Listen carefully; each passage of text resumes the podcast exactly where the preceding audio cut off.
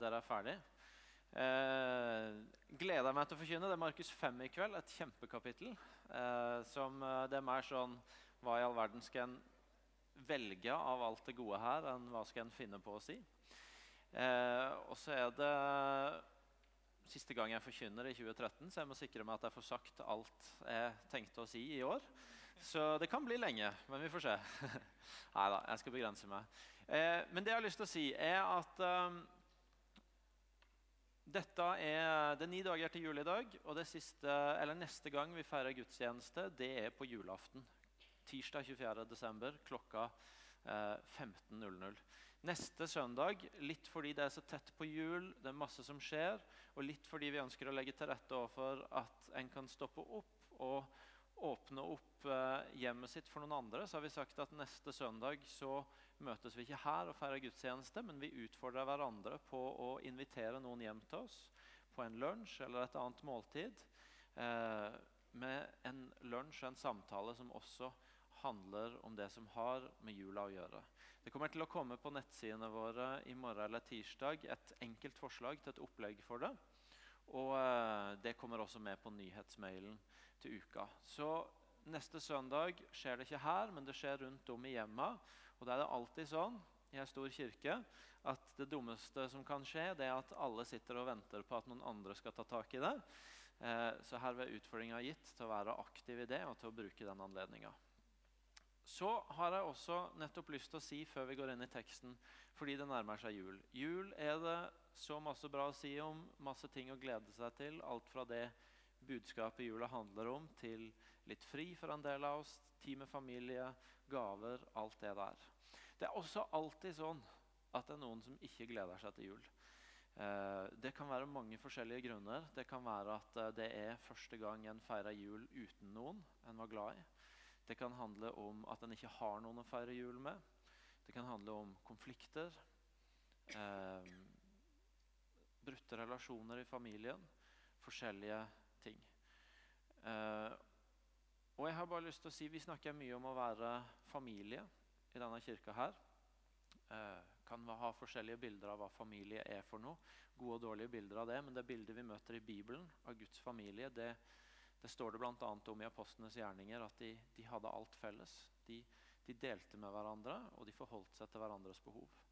Og Derfor vil jeg bare si, siden det er siste gangen vi er sammen før jul, at hvis du er en av de som gruer deg til jul, så er dette er en familie for å snakke åpent med noen om det. Og si ut at 'jeg trenger dere', fordi det er ikke alt som er greit. Det kan være å si 'kan du be for meg', jeg skal reise hjem og jeg gruer meg pga. det og det. Det kan være vet du noe, hvis ikke, hvis ikke, du hjelper meg, så blir jeg sittende alene denne jula. Det kan være Jeg har ikke penger til å gi barna mine julegave. Kan du hjelpe meg? Det kan være mye forskjellige ting, men jeg vil bare legge innover dere at dette er et sted for å bringe det inn til noen du kjenner her, til cellegruppa di, til fellesskapet du er en del av. Et sted for å være åpen, sånn at familien får en mulighet til å hjelpe deg. Og så går utfordringa til de som hører det, eller som er oppmerksom på det, som ser det, som kanskje først og fremst gleder seg til jul, eh, å være med på å møte noen sånne behov. På å ha et blikk for hvordan blir jula ikke bare å handle om at jeg skal få ha det bra, men trenger å invitere noen inn, trenger å be spesielt for noen, trenger å velsigne noen spesielt. Um, sånn at denne jula ikke bare blir bra for meg, men for noen som gruer seg eller ikke har ei lys jul i møte.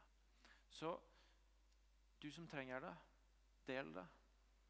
Og du som ser noe, hører noe, eller ikke ser og hører noe, men bare veit at sånn er det, ha et blikk for det og strekker ei hand ut. Ok? Ingen svarte. Må jeg si det en gang til? Ok? Ja. Eh, og når det er sagt vi har allerede bedt sammen, så har jeg lyst til at vi skal be inn i det. Og dere kan reise dere. Uh, og så er det som jeg alltid sier når vi ber om sånne ting, det er sårbare ting. Jeg vet det, og det er sårbart å tilkjennegi ting. Dette er et trygt sted. Vi prøver å gjøre familie sammen, ikke eksponere hverandre i etterkant for ting vi har delt. sånn at hvis, hvis du er en av de som av en eller annen grunn, enten det har med savnet etter noen, konflikten, ensomheten eller noe annet å gjøre, gruer deg til jul, så Kunne du ikke bare rekke han i været, og så har vi lyst til å be for deg før vi går inn i dagens tekst. Mm. Jeg bare ber en bønn for dere. God far, jeg har lyst til å løfte opp for deg brødre og søstre som, eh, som nå har gitt til kjenne at eh, vet du noe, denne jula gleder jeg meg ikke til. Og Du vet alt om hvilken grunn det er. Du vet alt om, om hva som, som, ligger der som er vondt eller usikkert, utrygt. Og så har vi lyst til å be deg akkurat nå om å komme og møte dem. Med en sånn bekreftelse på at du er nær, du er der. Du kommer dem i møte. Og din godhet skal møte dem også denne jula. Jeg ber deg om at du skal gi dem mot til å søke mot noen som kan, kan hjelpe dem. Og at du skal gi oss som familie nåde til å, til å hjelpe hverandre. Kom med din godhet, far, inn i, inn i hver enkelt av disse situasjonene. Vi ber i ditt navn, far. Amen. Vær så god, sitt. Markus 5. Vi skal straks snakke om den, men først skal vi få høre teksten lest, hele kapittelet, av Kristin. Vær så god. Ja, jeg skal prøve å gjøre det interessant. Eller det er interessant, men det er ganske langt, så må være forberedt på tre flotte historier. Så kom de til den andre siden av sjøen, til Gadarenerlandet. Da han var kommet ut av båten, så ble han straks møtt av en mann med en uren ånd. Han kom ut fra gravene. Han hadde sitt oppholdssted blant gravene, og ingen klarte å binde ham, ikke engang med lenker. For han hadde ofte vært bundet med fotjern og lenker. Men lenkene hadde han revet i stykker, og fotjernet hadde han brutt i biter. Var ingen som kunne rå med ham. Og hele tiden, både natt og dag, var han i fjellene og i gravene, og han skrek og skar seg opp med stener. Da han så Jesus på lang avstand, så sprang han bort og kastet seg ned for ham. Og han ropte med høy røst og sa, Hva har jeg med deg å gjøre, Jesus, sønn av den høyeste Gud? Jeg besverger deg ved Gud at du ikke må pine meg. For Jesus hadde sagt til ham, Far ut av mannen, du urene ånd. Så spurte han ham, Hva er ditt navn? Og han svarte, Mitt navn er Legion, for det er mange av oss. Han tryglet han inntrengende om ikke å sende ham bort fra området. Nå gikk det en stor griseflokk på beite like ved fjellene. Og alle demonene ba ham og sa, 'Send oss inn i grisene, så vi kan gå inn i dem i stedet.' Det ga Jesus dem straks lov til. Og da for de urene åndene ut, og så for de inn i grisene, og tallet på dem var omtrent 2000. Eh, og griseflokken sprang i veldig fart ned brattenget og ut i sjøen, og de druknet i sjøen. Da flyktet de som passet grisene. Og de fortalte om dette i byen og i bygdene. Og folk gikk ut for å se hva som hadde skjedd. De kom da til Jesus og så at han som hadde vært demonbesatt av legionen, satt påkledd og frisk til sinns, og de ble redde. De som hadde sett det, fortalte dem hvordan det hadde gått til med ham som hadde vært demonbesatt, og om grisene. Da begynte de å bønnfalle ham om å gå bort fra deres enemerker. Og han gikk i båten, eh, og da kom han som hadde vært demonbesatt, og ba ham inderlig om å få være med ham. Jesus lot ham ikke få lov til det, men han sa til ham, 'Gå hjem til dine og fortell dem hvilke store ting Herren har gjort for deg,' 'og hvordan han har forbarmet deg over deg.' Og han gikk av sted, og han begynte å forkynne i Dekapolis om alt det Jesus hadde gjort for ham og alle undret seg. Da Jesus hadde krysset over med båten til den andre siden igjen, så samlet det seg en stor folkeskare om ham. Og han holdt seg der ved sjøen. Og se, en synagogeforstander kom. Han het Jairus. Og da han så ham, falt han ned for føttene hans og sa, 'Min lille datter ligger på det siste. Kom og legg hendene dine på henne, så hun kan bli helbredet og få leve.' Så gikk Jesus med ham, og en stor folkemengde fulgte ham og trengte seg om ham. Nå var det en kvinne der som hadde hatt store blødninger i tolv år. Og hun hadde lidd mye under mange leger. Hun hadde brukt opp alt hun eide, uten å bli bedre. Det ble heller verre med henne. Da hun hørte om Jesus, så kom hun bakfra i folkemengden og rørte ved kappen hans. Hun sa, 'Hvis jeg bare kan få røre litt ved klærne hans, så blir jeg helbredet.' Straks tørket kilden for blødningen hennes, og hun kjente på seg på kroppen sin at hun var helbredet fra plagen. Og Jesus, som straks kjente i seg at det gikk ut en kraft av ham, snudde seg i mengden og sa, 'Hvem var det som rørte ved klærne mine?' Men disiplene hans sa til ham, 'Du ser jo mengden som trenger seg rundt deg, og du sier, 'Hvem rørte klærne?' Han så seg omkring, og så fikk han øye på henne som hadde gjort dette. Og kvinnen kom redd og skjelvende, vel vitende om at det som hadde hendt henne. Eh, og så falt hun ned foran ham og fortalte ham hele sannheten. Og han sa til henne, 'Datter, din tro har frelst deg. Gå i fred og vær helbredet fra din plage.' Mens han ennå talte, så kom noen fra synagogeforstanderens hus og sa, 'Din datter er død. Hvorfor bryr du mesteren mer nå?' Med det samme Jesus hørte om ordene som ble talt, så sa han til synagogeforstanderen, 'Vær ikke redd, bare tro.' Og han lot ingen følge med seg, bortsett fra Peter, Jakob og Johannes, Jakobs bror.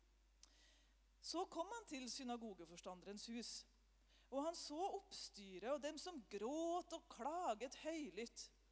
Da han kom inn, så sa han til dem, 'Hvorfor gråter dere og lager alt dere oppstyret?' 'Barnet er ikke dødt, det bare sover.' Og de bare lo av ham. Men da han hadde sendt alle ut, så tok han med seg barnets far og mor og dem som var sammen med ham, og så gikk de inn der hvor barnet lå. Så tok han barnet i hånden og sa til henne, Talita kumi. Og oversatt så betyr det, lille pike, jeg sier deg, stå opp.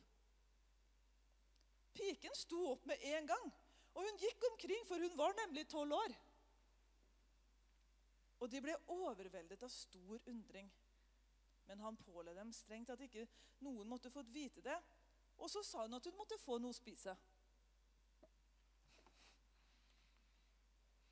Takk skal du ha, Kristin. Lang tekst, fantastisk historie. Eh, sist søndag så var det Markus 4 vi eh, fokuserte på her og gikk gjennom her den slutta med å fortelle historien om når Jesus og disiplene var ute i båt og det ble storm. Eh, da sto det La oss sette over til andre sida av sjøen. Og så kom historien om hvordan det ble storm på turen, og, og Jesus stilla den. Og så begynner teksten i dag, plukker opp tråden. Så kom de til den andre sida av sjøen, til Gerasenerlandet. Så historien i dag plukker opp der eh, vi stoppa sist søndag. Eh, og så åpner et kapittel som forteller eh, hvordan Jesus møter, har, tre, eller har veldig spesielle møter med tre forskjellige enkeltmennesker. Eh, det er tre nydelige historier i dette kapittelet. Og jeg sa fra god tid tilbake når vi begynte på å gå gjennom Markusevangeliet, så sa jeg at Markusevangeliet er et sånt action-evangelie hvor ting går fort bruker jeg kort tid på å fortelle historien. 16 kapitler. Alle de tre andre evangeliene er over 20 kapitler. Og Det er ofte raske skifter, høyt tempo, ikke så mye detaljer. Og Så kommer dette, dette kapitlet her, kapittel 5. Og så, og så er det akkurat som om Markus stopper opp. Og så begynner han å fortelle på en helt annen og mye ro, roligere måte. Tempoet skrus ned. Han begynner å fortelle detaljer. Han tar oss inn i dialoger, samtaler med folk. Han... Uh, presenterer forskjellige karakterer. Eh, det er ikke bare sånn at vi blir fortalt det og det skjedde, men vi dras inn i en historie. Hvis du skal sammenligne det med å lese avisa, så er dette her, dette her er ikke notisene. Og det er egentlig heller ikke nyhetssakene, men det er mer helgebilaget, magasinet. Hvor de på en måte tar seg god tid til å fortelle en historie skikkelig.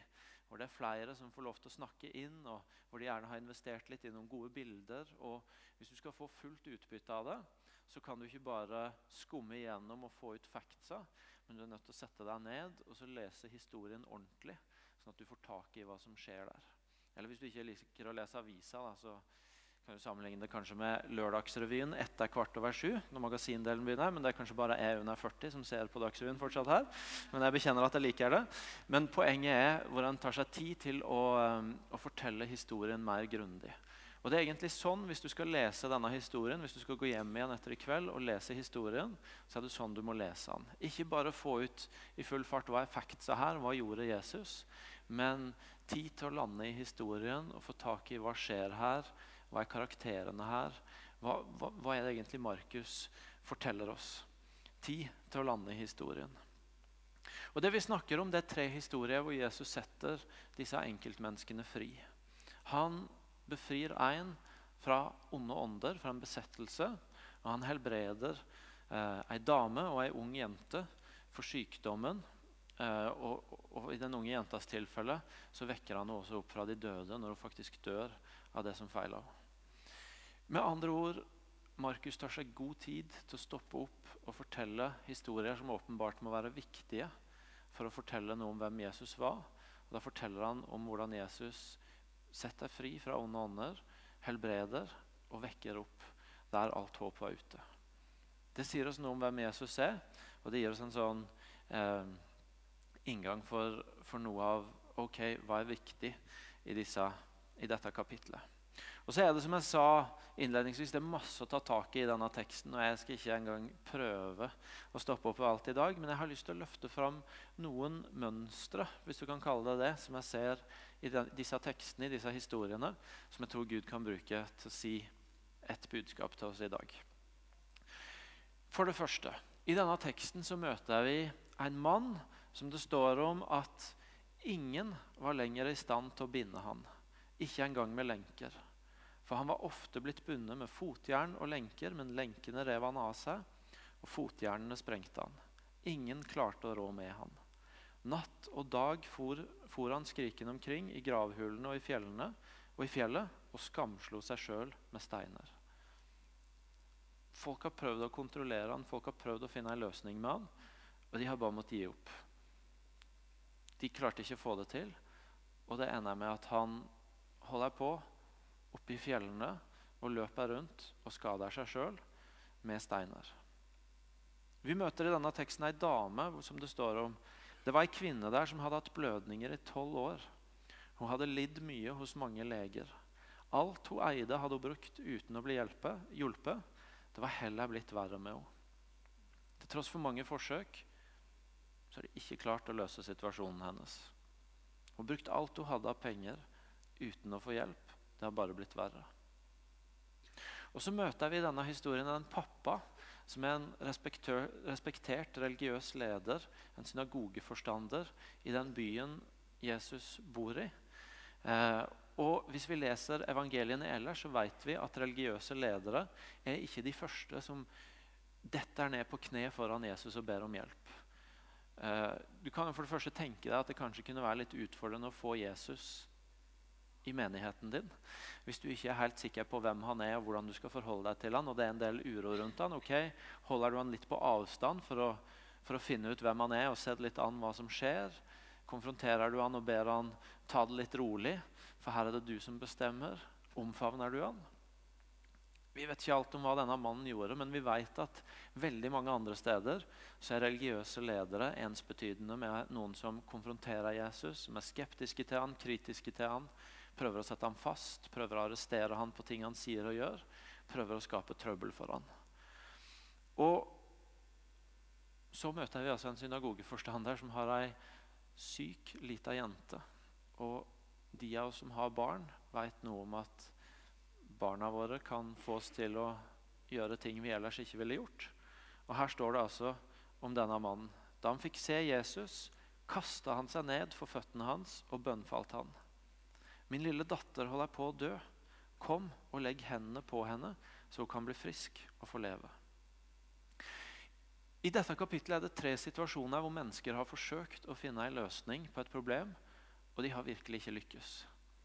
De har forsøkt å finne en løsning som holder denne besatte mannen i sjakk, og de har ikke fått det til. Leger har forsøkt å gjøre denne dama med blødninger frisk, og de har bare gjort det verre. Og vi veit ikke alt om hva denne pappaen, som også er synagogeforstander, har forsøkt. Men vi veit at det er liten grunn til å tro at den første han kom på, det var å kaste seg på kne foran Jesus. For det var ikke helt normen for religiøse ledere. Så antagelig så har han prøvd en del andre ting før han i desperasjon kaster seg ned på kne. Jesus, jeg vet du kan hjelpe. Jeg har sett det. Vi møter tre situasjoner hvor han har prøvd og ikke fått det til. Hvor han har kommet til enden av sin egen kunnskap, sine egne ressurser, sine egne muligheter. Og ikke lenger vet hva en skal gjøre. Ikke har en måte å håndtere situasjonen på. De har forsøkt, og de har ikke fått det til. Det er et element ved virkeligheten som de fleste av oss i dette rommet også må forholde oss til. At vi kommer til enden av oss sjøl.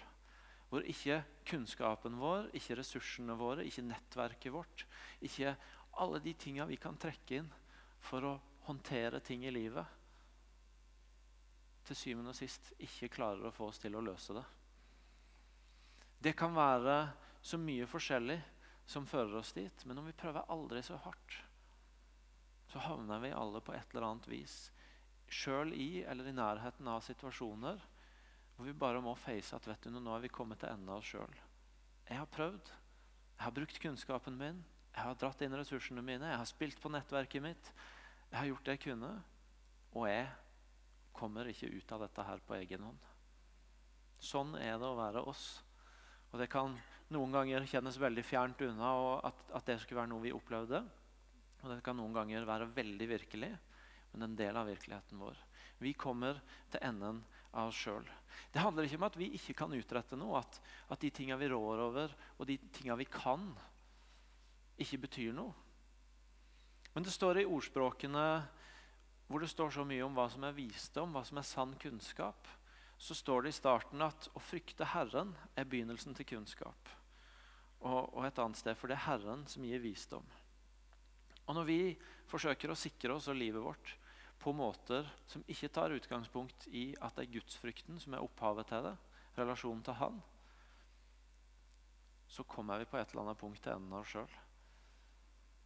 Enten det handler om kunnskapen vår, om at vi bygger oss opp penger og ressurser, om vi satser alt på utseendet vårt, eller om vi satser alt på et vellykka familieliv, på et svært nettverk, på massevis av venner det å oppleve at vi kommer til enden av sjøl, at vi ikke klarer å løse dette på egen hånd, det er en del av virkeligheten som vi må face. Og det måtte menneskene vi møter i denne historien her også face. Og hva skjer når vi kommer til enden av oss sjøl? Når vi ikke får det til, og når vi ikke ser noen vei ut? En ting som jeg syns er interessant, og som vi møter særlig i to av disse historiene, det er med mannen i gravhulen. Han er, gravhulen, han er, han er litt sånn gjemt bort. De har prøvd å lenke han, de har prøvd å holde situasjonen under kontroll. De har ikke helt sett noen løsning for å få han helt fri, men de har i hvert fall prøvd å håndtere det med noen lenker. Og litt sånn. Og så har de ikke fått det til. Og så er han litt sånn gjemt bort utafor byen, eh, i fjellene ved noen gravhuler, hvor han springer rundt for seg sjøl og i hvert fall ikke skader noen andre, men seg sjøl. Litt sånn dytta bort til sida. Og så møter vi ei kvinne som fordi hun, det hun lider av, er blødninger, så er hun religiøst uren. Det betyr at hun kan ikke komme inn og være med og tilbe Gud. Og andre mennesker som kommer i kontakt med henne, ville, sånn som det var for jøder, eh, ikke også bli religiøst ureine av å være i kontakt med henne. Og Derfor er hun òg ei isolert dame. Ei dame som er litt studd bort, som er litt gjemt bort som ingen helt vil ta i. Og som noen har prøvd å hjelpe, men ikke fått det til. Og så har hun antagelig blitt mer og mer isolert. Og så ser vi hvordan hun sniker seg inn blant mengden. Hun, hun gjør ikke så mye nummer ut av seg. og Hun håper bare hun kan få dette, denne berøringa med Jesus, som hun har så sterk tro på at det vil gjøre henne frisk. Bare en berøring vil gjøre henne frisk. Og så ser vi når, når, når Jesus stopper opp og merker at noe har skjedd, og spør hva var det som skjedde, så står det at frykten tok henne. Hun ble redd. For hun vet at hun egentlig er ei dame som er gjemt bort. Det skjer ganske ofte for en del av oss også. At når vi er kommet til det stadiet at vi er ved enden av oss sjøl, at vi ikke har noen løsning, at vi ikke vet noen vei ut, så er strategien vår å prøve å gjemme det bort, isolere det, holde det unna. Og på den måten slippe unna et eller annet med smerten i det. det er, hvis du begynner å streve med økonomien, så er, det, så, er, så er, det, greit å be om råd da når det er sånn, det begynner å bli litt vanskelig. Men så har du mista helt kontrollen, og så slutter du å åpne regningen og bare samler opp en stabel inne på lageret istedenfor å prøve å gjøre noe med det. Du syns at det er litt utfordrende med et av barna dine og spør noen du kjenner om, om, om noen råd, hvordan en kan håndtere det. Men så havner barnet ditt helt ute å kjøre, og så slutter du bare å snakke om det og prøver å gjøre det til en greie som ikke fins der. Isolerer det fordi det er vanskelig å forholde seg til. Du begynner å streve med misbruk av et eller annet slag, som Martin nevnte i stad, som vi ba for. Og så prøver du å isolere det ut på et eller annet vis. Late som at det ikke finnes der. Få andre til å tro at det ikke finnes der. Jeg kunne nevnt mange andre eksempler. Men dere tar poenget. I denne teksten så møter vi jo den fristelsen som ligger i å late som at de situasjonene vi overhodet ikke mestrer, ikke finnes. Og heller isolere det, gjemme det bort, istedenfor å legge det fram. Og så kommer i alle disse tre historiene Jesus på banen. Og Han ser situasjonen annerledes, og han har med seg en kraft som gjør at mulighetene i situasjonen er helt annerledes. Der folk har forsøkt å kontrollere en mann som er besatt, og som skader seg sjøl og kan være til fare for andre, så kommer Jesus inn og så konfronterer han de urene åndene, og så jager han de ut av mannen. Der folk, og særlig leger, da, har forsøkt å hjelpe denne dama medisinsk og ikke lykkes, men bare gjort henne verre. Så kommer Jesus inn, og så, og så er han ikke aktiv engang, men det er hun som er aktiv, og som utøver tro. og Klamrer seg til et grep. Og så blir hun frisk. Der folk sier at bry nå ikke Jesus med å ta han med hjem, for vi har allerede begynt å planlegge begravelsen. Hun er død. Denne jenta er død. Så sier Jesus nei. Hun sover. Og så går han inn og vekker henne opp. Jesus kommer inn, og så bringer han helt nye muligheter og en helt annen kraft som gjør at situasjonen ser helt annerledes ut. Det handler ikke lenger om å prøve å kontrollere noe en ikke har helt styr på. Det handler ikke lenger om å gjemme unna noe som er ubehagelig. Men det handler om å sette fri. Fri fra det som binder og besetter. Fri fra sykdom, fri fra død. Helt nytt blikk, helt ny kraft, helt nye muligheter. Det er adventstid. Det handler om at på den ene sida gjøre oss klar for å feire at Jesus har kommet, kom til vår jord. At Gud kom oss nær, kom oss i møte, som Martin snakka om. Og En av de profetiene i Det gamle testamentet som peker fram mot at Jesus skal komme. Uh, og som jeg har lest og bedt mye i denne adventstida. Det står i Jesaja 42. Jeg skal bare finne det fram her og lese det for dere. Der står det første fire versa. Se, min tjener som jeg støtter, min utvalgte i Han har jeg min glede. Jeg har lagt min ånd på Han, og Han skal føre retten ut til folkeslaga. Han skriker ikke og roper ikke, hans røst høres ikke i gatene. Han bryter ikke et knekket siv og slukker ikke ei rykende veke. Med troskap skal han føre retten ut. Han skal ikke slukne og ikke knekkes før han har satt retten igjennom på jorda. Fjerne kyster venter på hans råd. Nei, fjerne kyster venter på hans lov. Det står om denne tjeneren som skal komme og som skal føre retten ut til folk, som skal sette ting i rett stand. Og Han kommer ikke med skrik og rop, han kommer med fred. Han bryter ikke ned et knekka siv, han tråkker ikke på de som ligger her nede. Men han kommer for å gjenopprette, for å reise de opp igjen, for å reparere. Han skulle komme for å bringe rett. I starten av den historien som vi leste i dag, så møter vi en mann som er naken, aleine, utafor byen, i noen gravhuler. Skada gjennom smerte fra steiner. Kan dere tenke dere en annen situasjon i Markusevangeliet hvor vi møter noen som er i samme situasjon?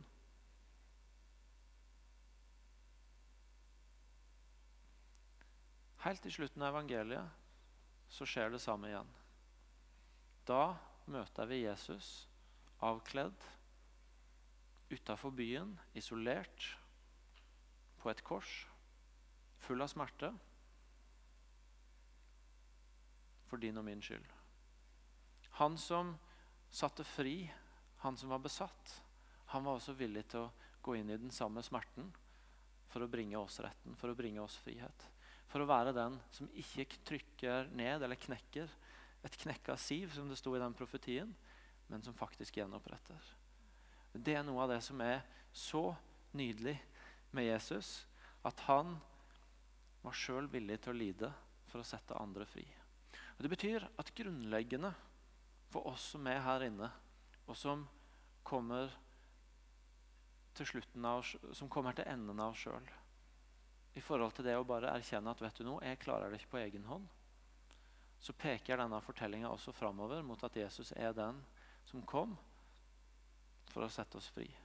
For helt grunnleggende sette oss fri fra å være fortapt i å få det til på egen hånd. Men så er det en ting til med dette her. Fordi advent handler ikke bare om at Jesus en gang kom for å bringe oss frihet. Advent handler også om at han en dag igjen skal komme for å sette alt i rett stand. Og så leste jeg i vers 4 av denne teksten. Han skal ikke slukne og ikke knekkes før han har satt retten gjennom på jorda. Han har ikke tenkt å gi seg før han har satt alt i rett stand. Han har ikke tenkt å gi seg før han har satt alt i rett stand. Og han har bedt oss om å be komme ditt rike. Ikke bare ditt rike kom, ikke bare ditt rike komme én gang, men komme ditt rike her og nå. Denne uka så har jeg, jeg har over tid hatt en situasjon i, i, i min omkrets eh, som er utrolig vond. Jeg kan ikke si noe mer om hva og, hva og hvem og sånn. Eh, men utrolig vondt, og jeg har dedikert denne adventstida til å be inn i den situasjonen. Og så kjente jeg for denne uka at du, denne uka skulle du sette av to dager til å faste og bruke mer tid på å be inn i den situasjonen. Så det gjorde jeg. Jeg fasta og jeg brukte tid på å be. Og når det kom til middag den dagen hvor jeg skulle avbryte fasten, og jeg stoppa opp, så tikka det inn en melding fra de, de det gjaldt, med en oppdatering på situasjonen. Det hadde vært strålende å kunne fortelle dere nå at det var en melding om et gjennombrudd. Men det var det ikke. Det var et melding om at situasjonen var blitt mye verre. Hva gjør vi da? Er det et signal om at vi gir oss? Da var det vel ikke meninga?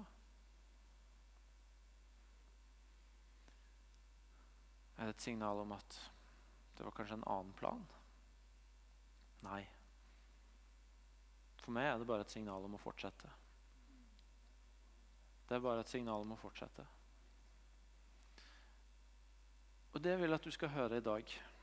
Det vil jeg at du skal høre disse historiene. Det er en invitasjon til at når vi er kommet til enden av oss sjøl, og vi har ikke funnet løsninger I stedet for å stu det bort, isolere det, så bringer vi det fram for Jesus. Og så er vi der helt til han gir oss nytt mot, nytt håp, ny tro på løftet om at han har ikke tenkt å gi seg før retten er kommet. Han har ikke tenkt å gi seg. Og Hvis det handler om at du i dag er klar til å gi livet ditt til Jesus fordi at du er kommet til enden av deg sjøl grunnleggende sett, og du er nødt til å finne en annen vei ut enn å ordne opp sjøl, så er det invitasjonen. Men hvis du òg har en situasjon i livet ditt eller rundt deg hvor du er kommet til enden, og hvor de rundt er kommet til enden, så er det en invitasjon til å ikke parkere, til å ikke gi opp til å ikke lande i noen sånne der løsninger om at eh, ja, ja, da var det vel sånn det skulle være. En invitasjon til å tro at han har ikke tenkt å gi seg før retten er kommet. Og så fortsette å be fortsette å være nær Jesus så mye som du trenger for å holde troa og håpet og motet oppe på at han har en annen vei. Og tro disse historiene om at når han kommer på banen, så er det et annet blikk og en annen kraft som kan åpne opp en annen vei. Da handler det ikke lenger bare om å kontrollere et eller annet. Det handler ikke om å stu det bort. Men det handler om å se hva, hva er den andre løsninga han har. For han har ikke tenkt å gi seg før retten er kommet. Skal vi reise oss og be sammen?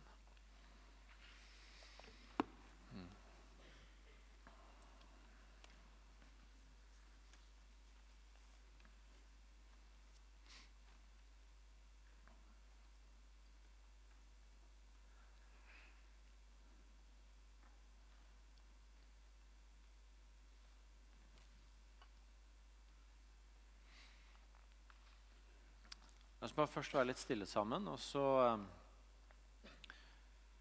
får du mulighet til å forholde deg til hva dette angår i ditt liv. Jeg ber en enkel bønn, og så er vi litt stille sammen. Ja, kjære Jesus, vi er så takknemlige for at du kom. Vi er så takknemlige for at du er den som går langt forbi vår evne til å kontrollere situasjoner. Og som viser en helt annen vei enn å stu det vi ikke behersker, bort et eller annet sted. Men du, kommer frihet, du kommer ny kraft. Du kommer helt andre muligheter. Og Nå inviterer vi deg til å tale inn i hver enkelt av våre liv. Om hva det handler om for oss nå. Om hvor du ønsker å fornye den troa om at du har ikke tenkt å gi deg før retten er kommet. Mm. Kom og tal til oss, Herre.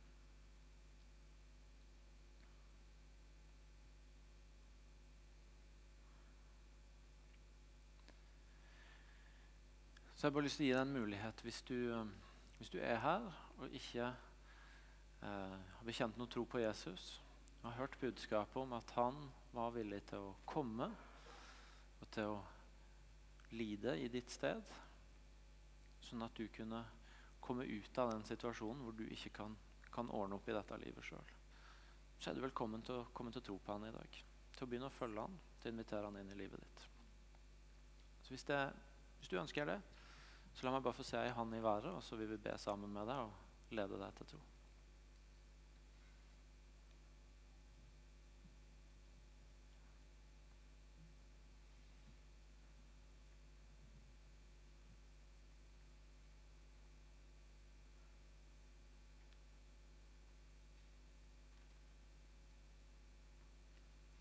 Hvis du tenker på det, ikke var helt klar nå, så skal Gry fortelle etterpå om forberedere som står der borte, og som gjerne vil snakke med deg og be med deg der, hvis du er mer komfortabel med det.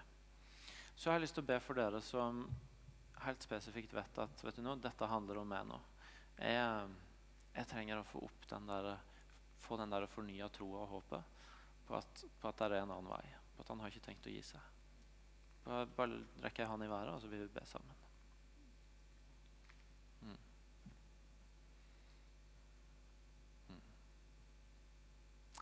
Jesus, du ser brødre og søstre som, uh, uh, som bare sier at vet du noe, jeg, jeg trenger å, å, få komme nær deg for å få nytt håp.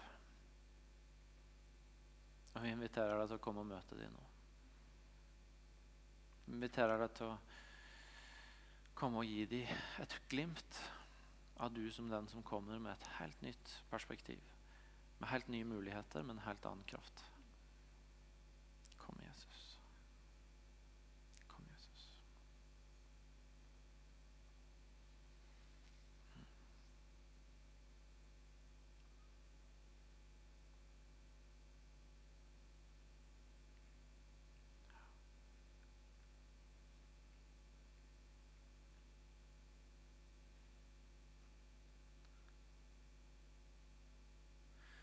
Amen.